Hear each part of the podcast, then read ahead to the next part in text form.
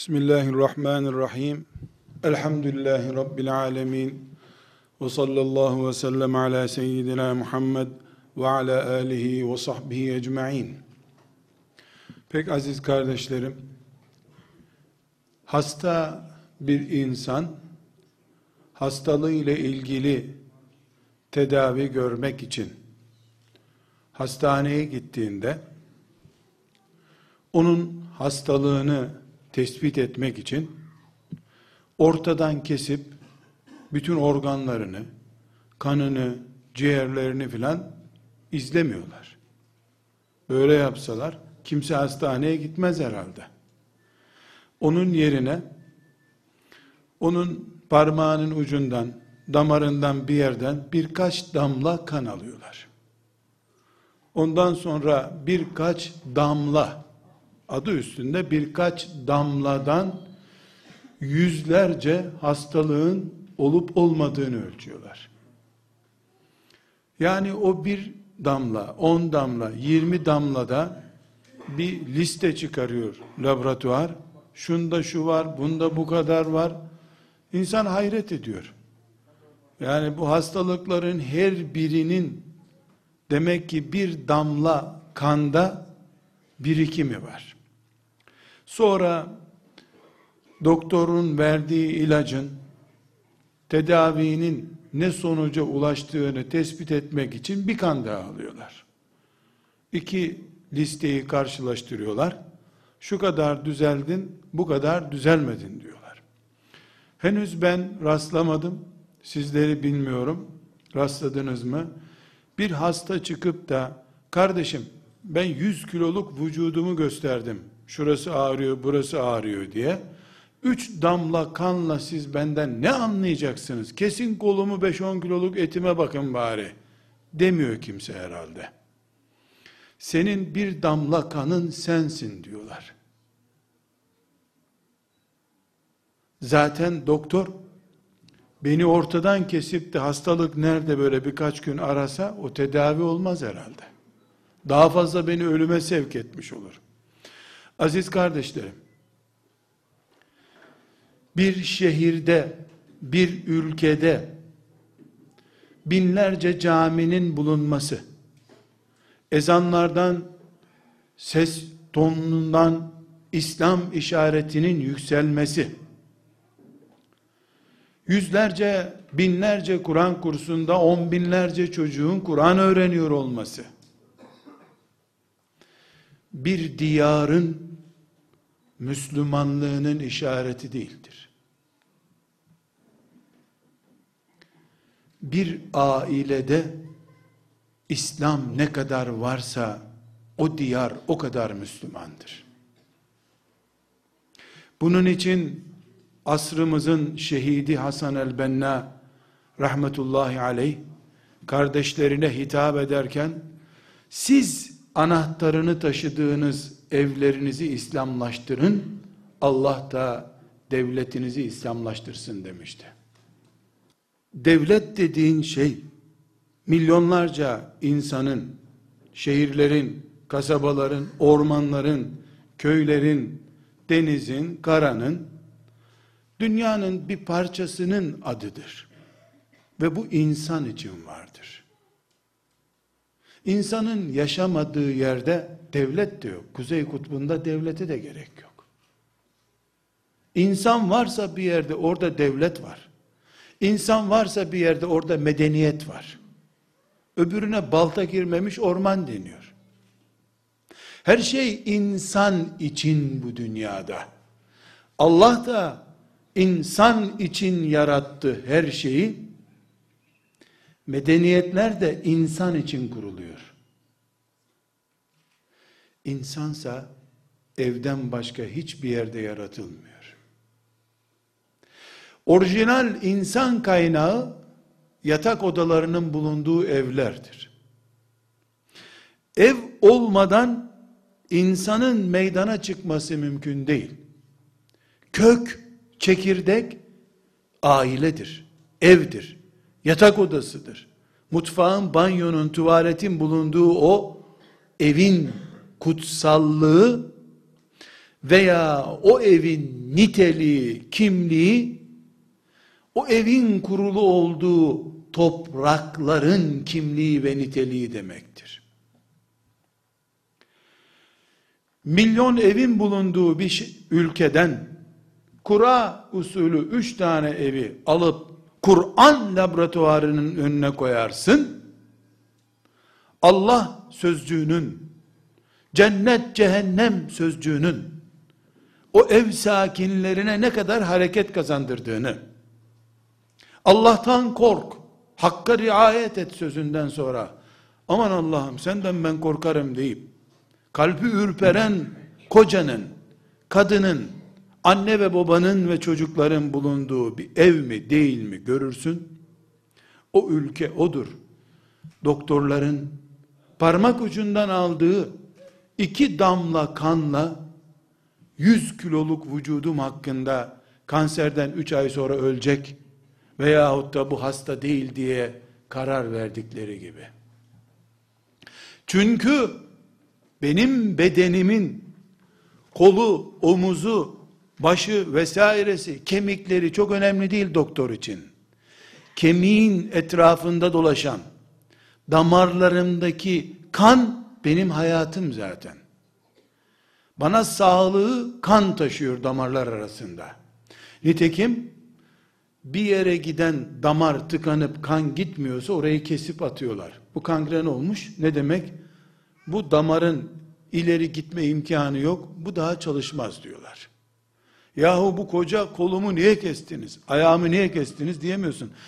Bağlantısı kesilmiş diyor. Kanla bağlantısı kesilmiş bunun. Çünkü hayat, insan hayatı kan üzerinden ölçülüyor. Kanı kaybolanın ruhu da gidiyor. Bu nedenle kan sağlığı taşıdığı için baştan tırnağa kadar, ayağa kadar kanda yakaladığı hastalığı tedavi edersem senin baş ağrını da gideririm, midendeki ağrı da gider diyor. Hatta ne diyor? Daha da ileri gidiyor tıp. Yarın bir sene sonra, beş sene sonra doğum yapacak bir kadından iki damla kan alıyor. Senin çocuğun şöyle sakat olacak dikkat et diyor. İki damla kandan 20 sene sonra benim doğuracağım çocuğun faturasını çıkarıyor. Şunun kanıyla bunun kanını birleşince bu çocuk şöyle sakat doğar diyor. Yanılır yanılmaz. Bu eğridir doğrudur ayrı bir mesele. Ama ortada bir realite var. Kan beni ve benden oluşacak her şeyi gösteriyor. Çünkü ben kanla ayaktayım. Bir ülke 100 milyon da olsa, 500 milyon da olsa, 5000 kişi de olsa, o ülke anaların doğurduğu çocuklardan oluşmuş da 70 milyon olmuştur. Hiç kimse Çin'den oyuncak getirir gibi çocuk getirmemiştir ülkesine. Hatta hiç kimse ülkesine başkasının ülkesinden çocuk ithal etmiyor. Gemilere, uçaklara koyup onları geri atıyorlar. Bu ülkede doğan çocuk bu ülkenin çocuğu olsun diyor. Demek ki bir ülkenin kimliği o kimliği oluşturan insanlar evlerden çıkıyorlar, doluyorlar. Nitekim şehirleri dolduran milyonlarca insan akşam kayboluyor. Kuşların ağaç kovuklarına çekilip gizlendiği gibi Şehirlerdeki ticarethaneler, kalabalıklar, trafik birden gece 12'de kayboluyor. İnsanın asıl hayatını göstereceği yer caddeler, sokaklar değil çünkü. Cadde ve sokak, ticarethane, okul bir iş görmek için çıkılmış yerlerdir. Şöyle bir hava almak için parka gidilir. Ömrünün sonuna kadar kalmak için parka gitmez kimse. Bu nedenle bir insanın var olduğu yer, Allah'ın onu hayata getirdiği yer evidir. Bu nedenle de bir toplumun kimliğini cuma günü camilerden ölçemezsin. Bir toplumun ne yöne doğru gittiğini kahvehanelerden ölçemezsin. Ne camiden, ne kahvehaneden, ne de okullardan ölçemezsin. Bir toplum nereden geldi, nereye gidiyor? O toplumun evlerinden ölçülebilir. Her ev insandaki bir damla kan gibidir kardeşlerim. Çekip aldığında o evi Kur'an laboratuvarına koyduğunda Resulullah sallallahu aleyhi ve sellemin gözüyle baktığında o ev o toplumun o ülkenin o kıtanın diyarın nereye doğru gittiğini gösterir. Bu sebeple her sokak başına bir cami açılmış olsa bile dinimin geleceği adına mutlu olamıyorum ben. Her çocuk 10 yaşında hafız olmuş olsa bile artık Kur'an günlerine geldim diyemiyorum. Neden? Çünkü geçici olarak 3 sene Kur'an kursunda duruyor bu çocuk. Sonra eve dönecek, ölünceye kadar hep evde kalacak. Evi de Kur'an medresesi olmadığı sürece güneşe çıktığında solan boya gibi rengi solup gidecek onun. Ama medreselerin kapısında kilit olan günlerde, kulakların ezan duymadığı günlerde, jandarmanın evleri basıp, değil Kur'an, Kur'an öğrenecek elif bağının bulunduğu aletleri bile suç olarak kabul edip insanları zindanlara götürdüğü günlerde, camiler ahıra çevrildiği halde, camiler tuz ambarı olarak kullanıldığı halde, müminler evlerinden Allah'a gitmeyi becerip, Kur'an nurunu söndürtmediler. Çünkü yeryüzünde camilerin kapısı kilitlenebilir. Medreselerin kapısına kilit vurulabilir. Yatak odasına girebilen bir devlet henüz insanlık görmemiştir. Çünkü yatak odası duygusallığın buharlaştığı yerdir. Yatak odasına hakim olabilecek bir ordu kuramamıştır insanlık henüz. Bu sebeple Müslümanlar İslam namına gelişmeyi bir ülkenin ne kadar Müslüman olduğunu bir ülkenin ne kadar şeriat üzere olduğunu ne kadar Resulullah'ın sünnetine göre yaşadığını kimsenin sakalıyla ölçemezler.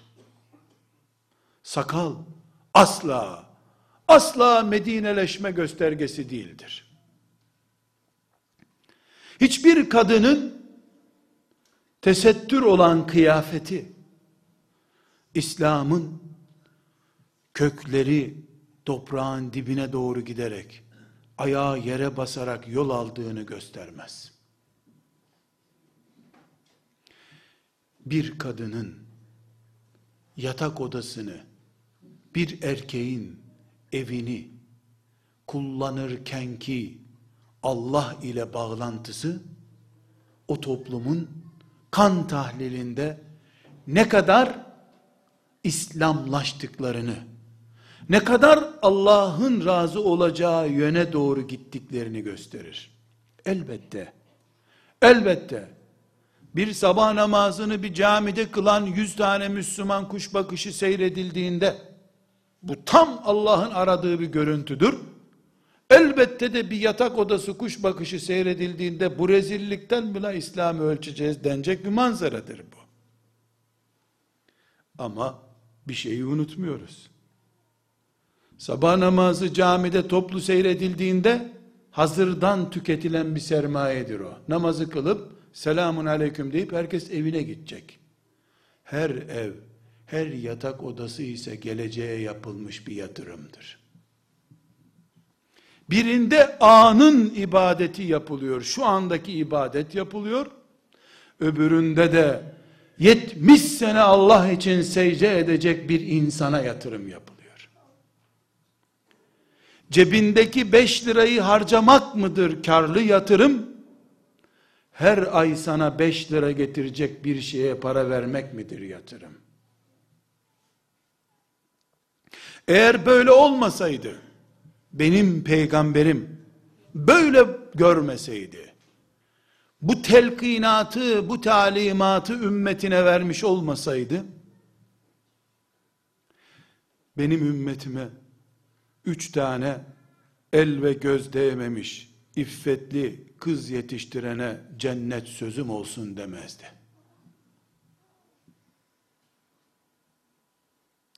Dikkat ediniz.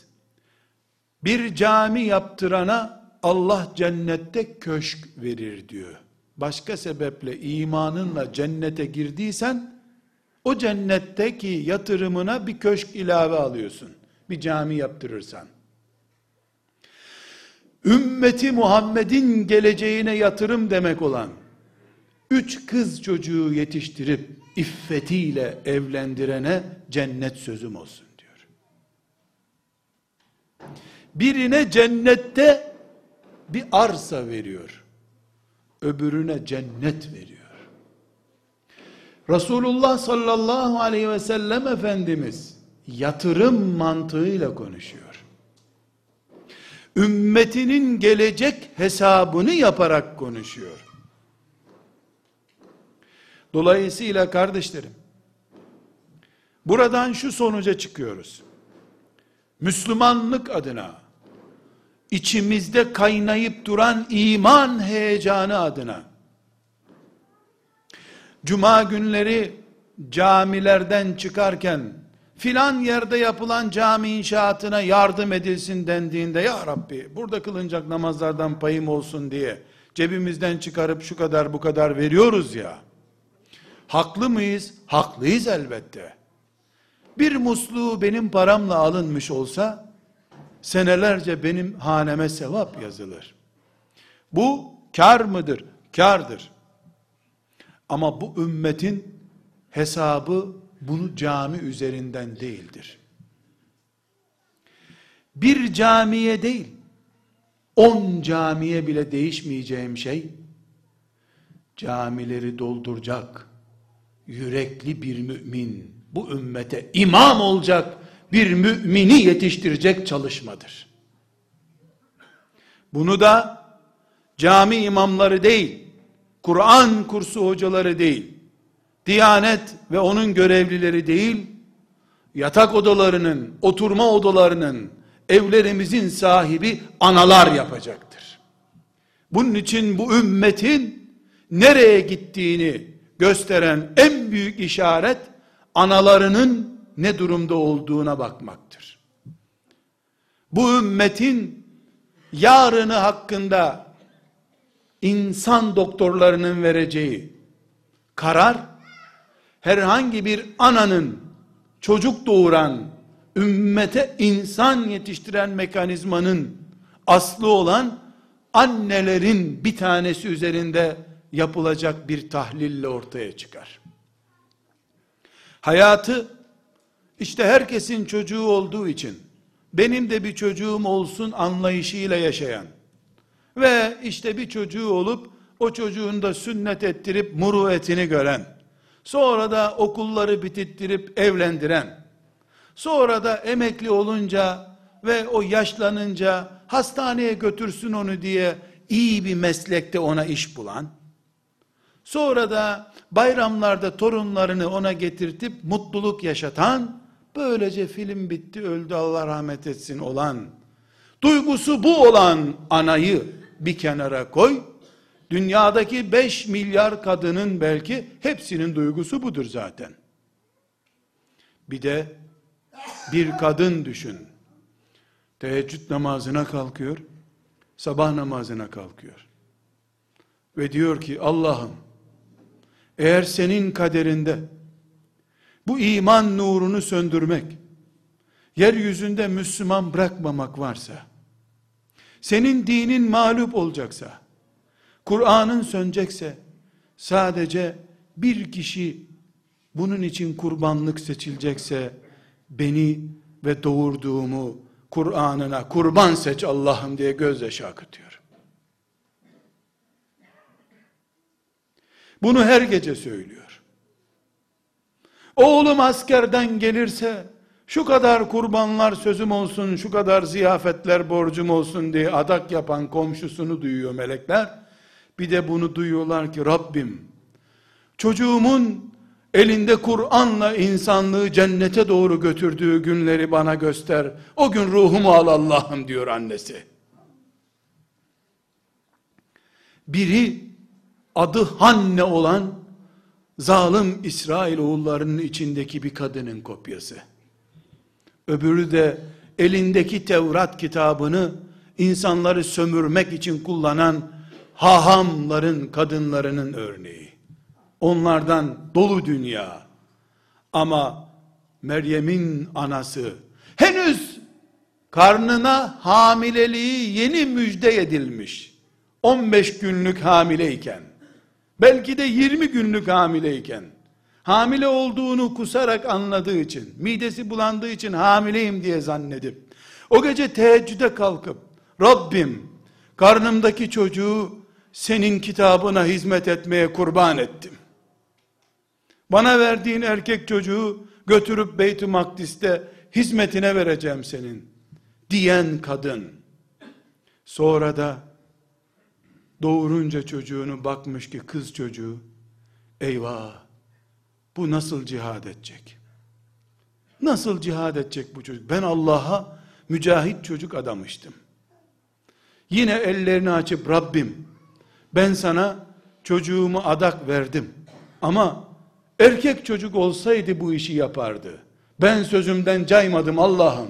Kız da olsa sardım kundağına götürüyorum deyip götüren kadın. Ali İmran'ın karısı. Şu Kur'an'ın üçüncü suresinin adını alan kadın.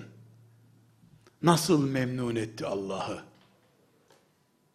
Ne büyük bir kadın ki, onun yaptığı işi Allah, insanlığın en mübarek örnek işlerinden biri olarak, kıyamete kadar önümüze koyuyor.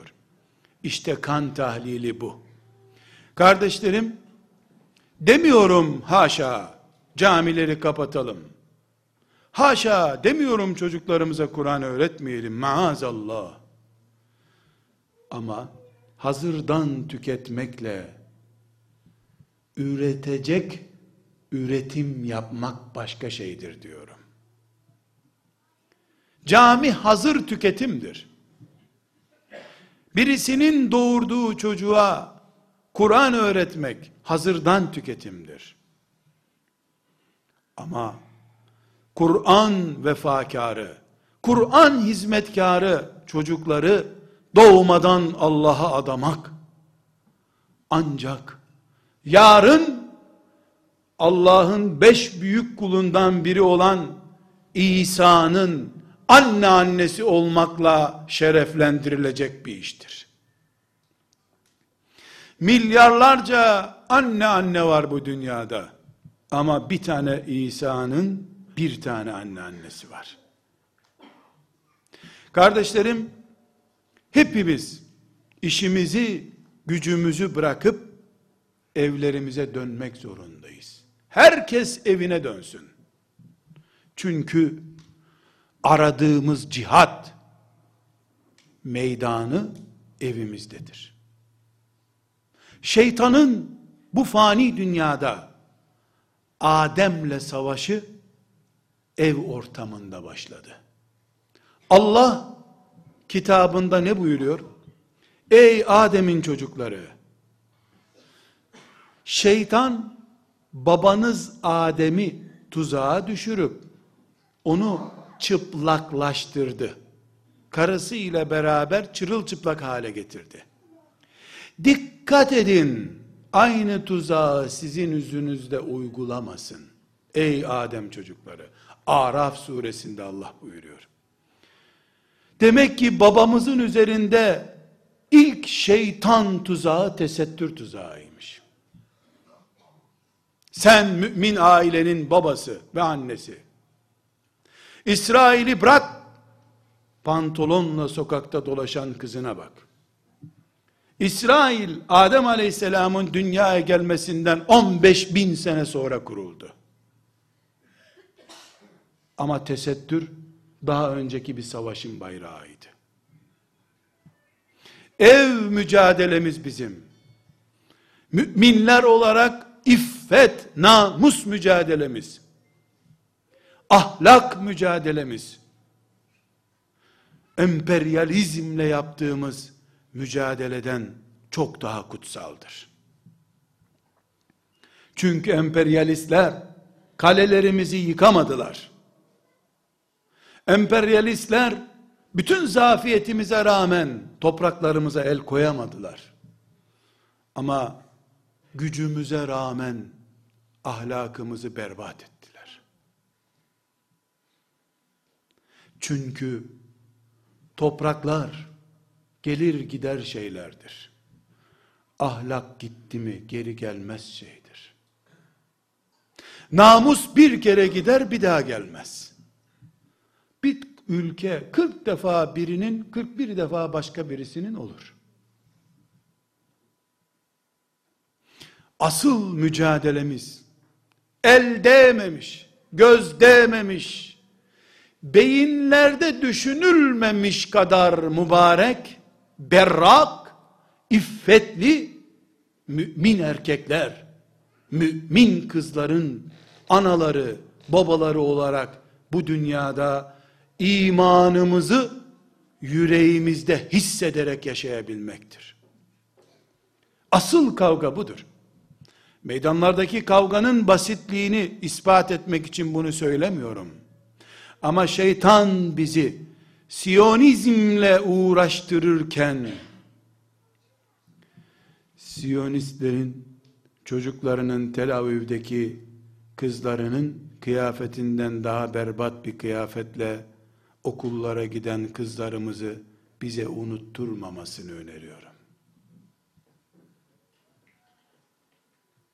Siyonizm diyorsun, o şeriatına uygun bulmadığı eti de yemiyor, fasulyeyi de yemiyor. Sen ise mutfağına giren şeyin ne olduğundan haberin bile olmuyor. Büyük dünyalarla uğraşırken, uçak savarlar hazırlanırken, hani uçaklarla saldırı olursa sen füzelerle karşılık vereceksin diye düşünülürken, senin parmağından daha küçük bir iğneyle zehirlenip öldüğünü anlayamıyorsun.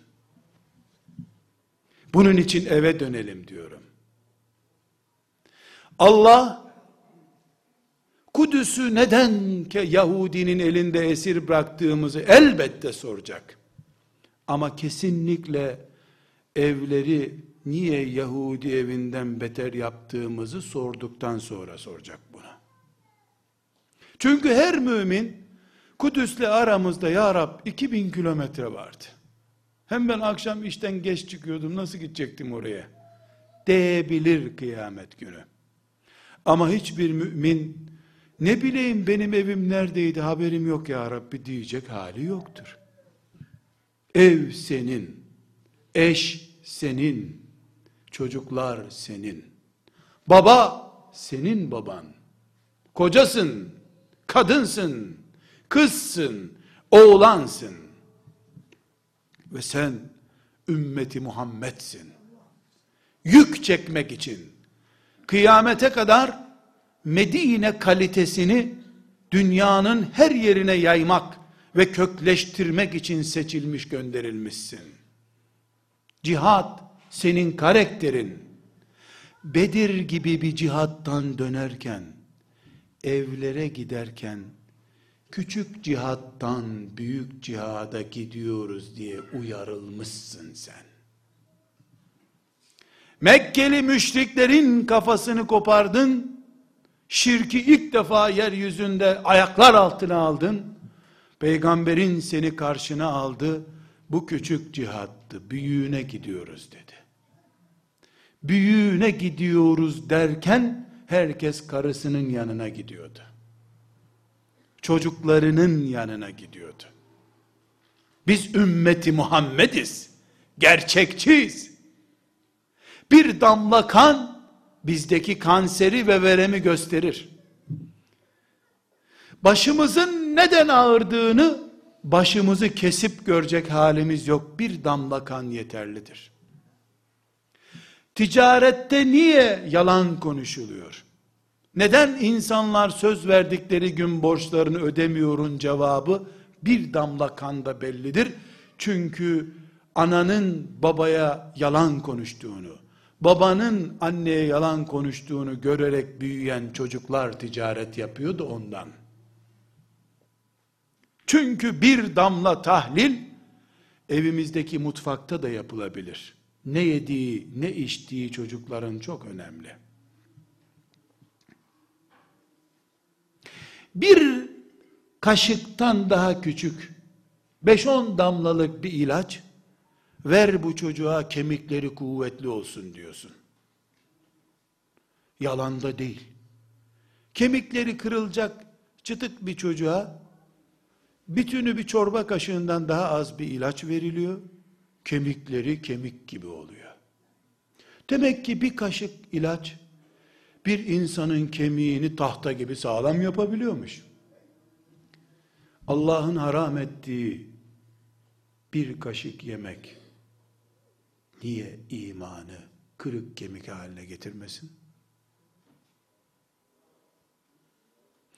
O şüpheli zararı yok, bu şüphelinin zararı yok sonunda her şeyden ve Allah'ın varlığından bile şüphe eden bir nesil niye meydana getirmesin? Niye Peygamber aleyhisselamın ehli beytine zekat haram edildi? Çünkü zekat nihayetinde insanların tortusu. Peygamber ailesi olmak, zirvede olmak demektir. En kalitede olmak demektir.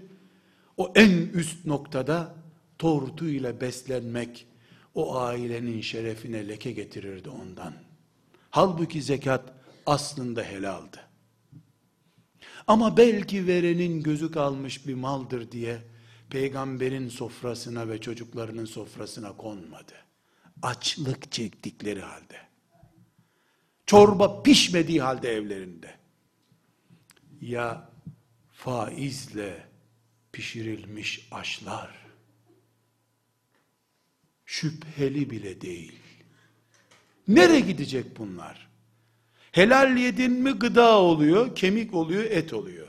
Faiz yedin mi bağırsaklardan dışarı çıkıyor diye bir sistem mi var? Yuvalarımız laboratuvar önünde ne kadar Kur'an mümini olduğumuzu gösteren en önemli işaretlerdir. Cami bunu hiçbir zaman yapamaz. Çünkü cami kimsenin camisi değil, Allah'ın evi.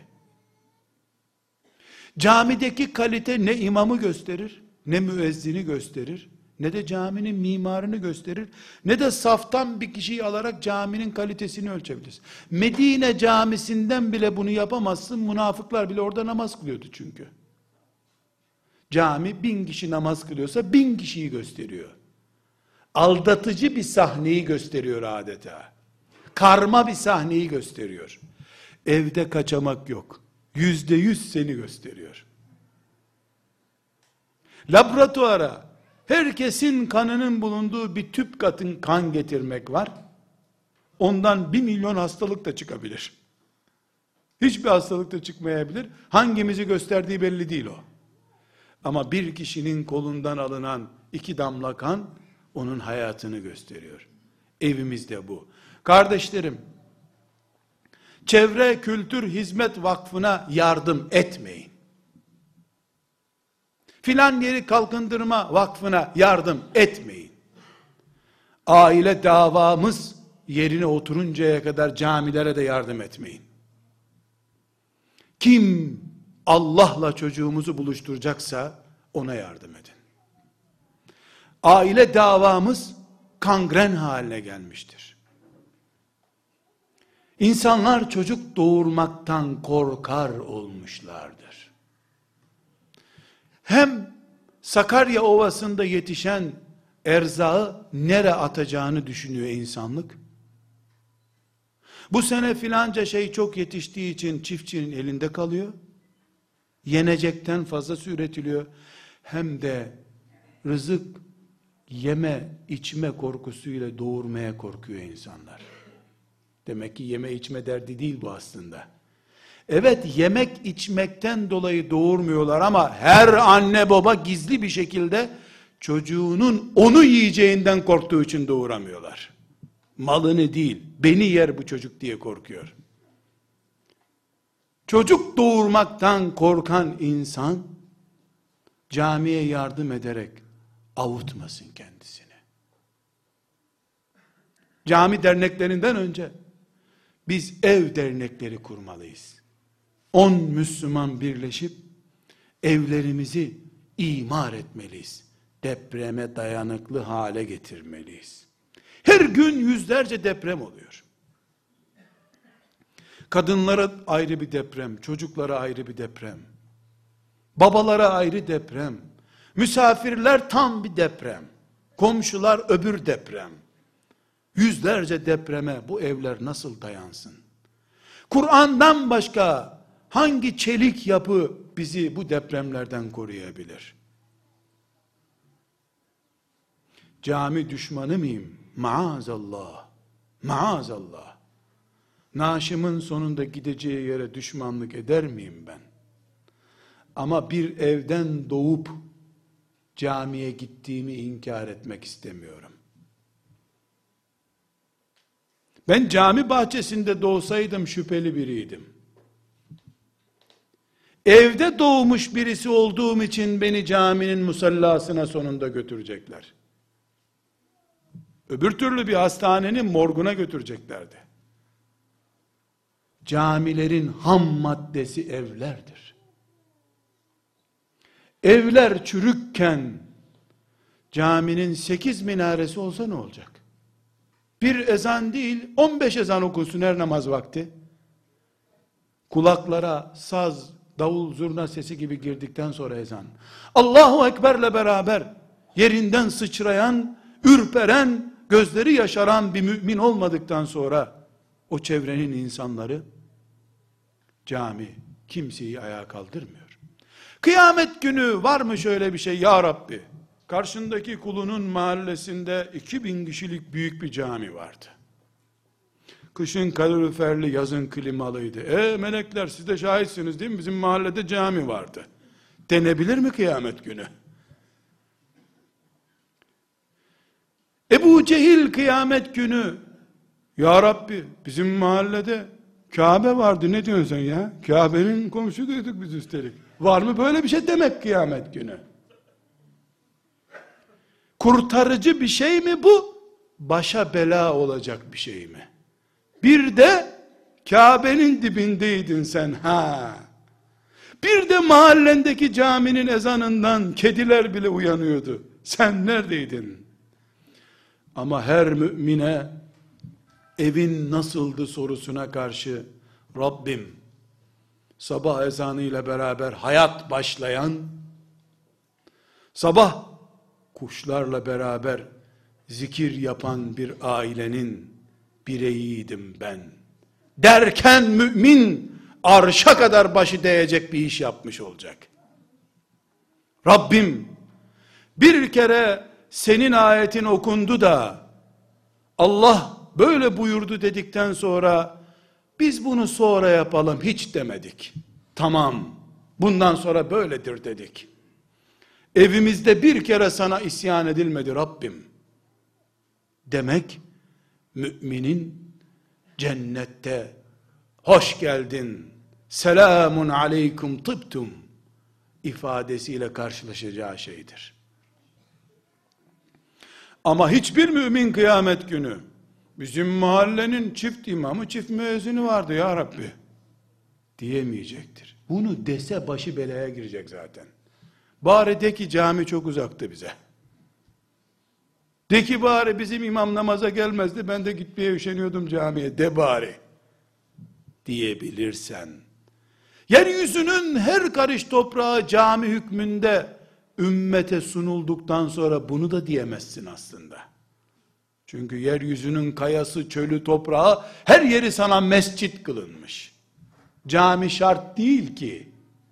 Namus şart. İffet şart. Ahlak şart. Camisiz yaşayan ve Rabbine en büyük müminler olarak kavuşan ne kadar kulları var Allah'ın. Sümeyye cami mi gördü? Yasir cami mi gördü Rabbine gittiğinde? Ebu Cehil onu develerle ikiye böldüğü zaman kaç kere cami görmüştü? Mümin kadınlar Asiye kaç kere secde etti bu dünyada? Kaç kere başını örtüp mevlüde gitti? Hiç kere. Ama Allah onun yüreğini açıp kıyamet günü bize gösterdiğinde bakacağız ki 7 milyar insan olsaydı o bölünüp de 7 milyara yetecek kadar Allah'a teslimiyet vardı onda. Firavun onu yere yatırıp çivilediği zaman Asiye ben mi Musa'nın Allah'ı mı dediğinde Allah'ım ve onun cenneti dedi. Öyle gitti Rabbine. Ama ama diye hiçbir yere başlamadı. Sonunda da ne oldu? Tek başına bir ümmet olarak Allah'a gitti. Kıyamet günü bizim mahallede cami vardı demek yok. Benim evimden Allah'a isyan dumanı yükselmedi hiçbir zaman diye melekleri şahit göstermek var. Böyle bir evden Sümeyye Allah'a gitti. Yasir böyle bir evden Allah'a gitti.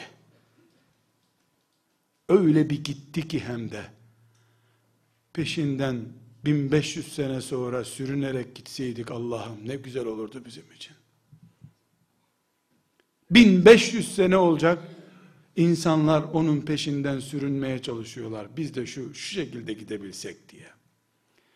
Madem kıyamet günü bizim semtte büyük cami vardı, hem de kışın çeşmelerinden soğuk sıcak su akardı. Sonra oradaki mevlüt törenlerinde de şerbetler ikram edilirdi. Böyle bir mahalle camisi olan biri olarak herhalde en önden biz gideriz. Ashab-ı kiramdan sonra bizi alırlar. Demek olmayacağına göre benim evimde bir kere Allah'a isyan kokusu çıkmamıştır. Bilerek, ihmal ederek bu göz o evde bir kere haram şey görmemiştir. Bir kere görmüştük, bin kere tövbe ettik sonra Allah bizi affetsin diye. Ufak bir hata yapmıştık, o evi kendimize zindan ettik sonra. Bir gün çocuklarımı toplayıp, çocuklar, bir sene içinde üçüncü defadır sabah namazı kaçırdık bu evde acilen gece kondu bile olsa burayı terk ediyoruz. Üç kere Allah'ın davetine icabet etmediğimiz diyar bize haramdır dedik. Gittik daha basit bir evde yerleştik. Yeter ki camiye yakın olsun, ezan bizi uyandırsın dedik Rabbim. Dedik Rabbim. Meleklerin şahittir buna. Dediğin zaman kurtuldun gittin işte. Madem hakikat böyledir kardeşlerim, Haydi herkes camiye değil, haydi herkes evine dönemindeyiz demek ki biz. Kardeşlerimizin bir kısmı diyorlar ki, yahu bu camilerde orman haftasında orman hutbesi, Kızılay haftasında kan hutbesi okunur. Ya camilerdeki hutbelerin de ahengi kalmadı. Ne okunmalıydı? Cihat hutbesi. Evde oku. Çık sandalyenin üstüne oku hutbeni göreyim. Senin evde vaktin yok. Sen ayıp olmuyorsun da imama niye sataşıyorsun? Ne istiyordun imamdan? Cihat ayetlerini. E kendin evde oku. Ey Müslümanlar diye başla. E çocuklar beni dinlemiyor. Melekler dinlesin. Kulağı mı yok meleklerin? Duymazlar mı? Yazmazlar mı? Şahit olmaz mı melekler senin çocuklarına iki cihat ayetini okutmak için, telkin etmek için gözyaşları akıttığını? Çocukların için sabahlara kadar kıvrandığını, kanser hastasıymışın gibi yatakların sana dikenli yatak haline geldiğini görmez mi melekler zannediyorsun? Kardeşlerim, elbette Siyonizm insanlığın belasıdır. Şeytanın yürüyen ayaklarıdır Siyonizm. Ama Siyonizm bunu klavye ile yapmıyor. Şubeleri sayesinde yapıyor. İnsanların imanını şubeleriyle çökertiyor. Evler Siyonizmin en aktif şubeleridir. Hangi ev ne kadar abonelik aldıysa o kadar tabi. Herkes evini kurtarmalıdır. Çünkü evimiz bizim mini vatanımızdır. Çünkü evimiz bizim öz namusumuzdur. Kapısını içeriden kitleyebileceğimiz tek yerdir evimiz bizim. Caminin kapısı hiçbir zaman içeriden kilitlenmez. Dışarıdan hep kilitlenir. Caminin kapısı içeriden kilitlenmez. Kimsenin değil ki kimseye karşı kilitleyeceksin onu. Herkesin çünkü. Öz malımız, öz ruhumuz, hayatımız ve öz kimliğimiz laboratuvara konduğunda, mizanımız olarak açıldığında bizi gösterecek olan evlerimizdir kardeşlerim. Peki bu evlerimize nasıl döneceğiz? Eşlerimize sarılarak, çocuklarımızı bağrımıza basarak, içki sigara tüketen, hırsızlık eden, başkasının malına zarar veren çocuğumuzu bile öperek, yalayarak, hafız, melek gibi çocuğu severek değil, onu zaten herkes seviyor yeryüzünde. Onu herkes bağrına basıp kucağına alıyor. Ama hırsız olduğu için, alkol tükettiği için, kötü arkadaşları olduğu için, uyuşturucuya tutunduğu için, sen bile annesi babası olduğun halde itiyorsun onu şeytanın kucağına doğru. Sen üç kere dediğini yapmadı diye eşini mahkeme kapılarına doğru sürüklüyorsun. Şeytana aramızda dur, bir araya gelmeyelim demeye getiriyorsun. Evlerimize dönelim demek. Allah senin kaderine kimi kadının, kimi kocan olarak yazdıysa, kim sana nikahlanıp kadının veya kocan olduysa, onu Allah'ın emaneti olarak bilmek demektir. Niye Allah bana tiftik keçisi vermedi de filan keçiyi verdi diyemeyeceğin gibi Rabbimin emaneti bu beni bununla imtihan etmek istiyor diye bilip yaşamak evlere dönmektir. Çocuğunu kıvırcık saçına göre, zeka çeşidine göre, boyuna postuna göre ayıran Mekkeli müşrikler seviyesinden sıyrılıp çocuğunu bir kolu olmasa da, bir gözü olmasa da, kalbi delik olsa, dalakları çürük de olsa, topal da olsa, kör de olsa, değil mi Allah bunu bana anasının karnından emanet etti deyip, dünyada en güzel insan olan Yusuf'un sana verilmiş versiyonu olarak gördüğün gün, o çocuk sigara içse bile, hırsızlık yapsa bile, annesinin bileziklerini çalıp bozdurup onunla gidip meyhanede tü, alkol tüketse bile, değil mi bunu ben doğurdum? Değil mi benim göğsümden akan meni neticede bu çocuk oldu? Değil mi bu benim Allah tarafından imtihanımdır? 950 sene dünyayı başıma kalksa da bu çocuk sonunda yavrum diye bağrıma basmak eve dönmektir. Herkes evine dönsün. Herkes evine dönsün ki senin evinden çıkan şirret çocuklar ümmetin başına bela olmasın. Bundan sonra da çocuklarımızı yarış atları gibi okul puanları üzerinden değil, Allah'ın getirdiği vahiy ile oluşmuş ahlak yarışı üzerinden çocuklarımızı yarıştıralım. Ki ebedi hayat için geçer akçe olan akide ve ahlakın bizim gözümüzde de ebedi değer olduğu ortaya çıkmış olsun. İman bunu gerektiriyor. Eve dönmek bu demektir. Rabbim bana ay başını zor getirecek kıt bir geçim kaynağı verirse ne kadar güzel. Demek ki az avans veriyor, çok maaş verecek cennette. Böyle iman ederim. Rabbim benim yüz ev geçindirecek servet verirse bana, yine hamd ederim. Rabbim istiyor ki, hem burayı imanımla mamur edeyim, hem de cennette kat kat Ebu Bekir gibi servet üstüne servet yığayım. Ne fakirliğe ağlarım, ne zenginliğe şımarırım diyeyim. Eve dönmek demek kardeşler, musluğu açık unutup suyu israf ettiğin zaman, çocuk ekmeğin kırıntısını balkondan kediye attığı zaman, yapma oğlum, israf haramdır.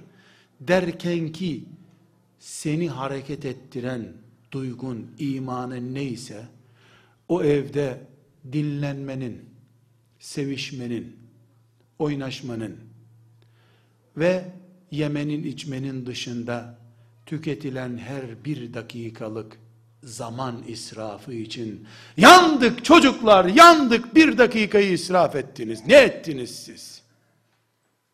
Akıtsaydınız çeşmeden tonlarca suyu kanalizasyondan denize gidecekti. Denizde sonunda buhar olacaktı, bulut olacaktı, seneye gene bizim köyümüze yağmur olarak akacak, barajlardan bizim musluğumuza su olarak gelecekti. Suyun israfı olmaz aslında. Ama bu harcadığınız bir dakika nerede buharlaşıp bir daha size gelecek? Ne yaptınız çocuklar? Hanım nasıl açtın bu televizyonu sen? Nasıl açarsın? Gitti bir dakikam. De böylece evin seni kapısından içeri almış olmasın. Sen evini avuçlarının içine almış ol. Elinin içinde dursun evin senin. Taksitlerini ödeme. Ev senin ipoteğin olmuş olsun. Ki o ev meleklerin himayesinde bir ev olmuş olsun. Bunu yaptığım gün ben evimde Allah ve peygamberiyle yaşıyorum demektir. Ben Rabbimle beraber olayım da gökten başıma tonlarca bombalar düşsün. Öldü mü sayarım kendimi ben. Beni kim öldürebilir o zaman? Rabbimin himayesinde ben ölür müyüm hiç? Beni öldürecek her şey ölmüş demektir o zaman. Ben hayattayım. Yaşıyorum. Ammar yaşadığı gibi. Sümeyye yaşadığı gibi. Ebu Cehiller, Ebu Lehebler öldü gitti. Hamza öldü mü? Ciğeri söküldü diye öldü mü? Çanakkale'nin altı ölü mü dolu? Ölüleri mi gömdüler? Yoksa dirileri ölüler toprağın altına mı koydu? Eve dönmek budur. Velhamdülillahi Rabbil Alemin.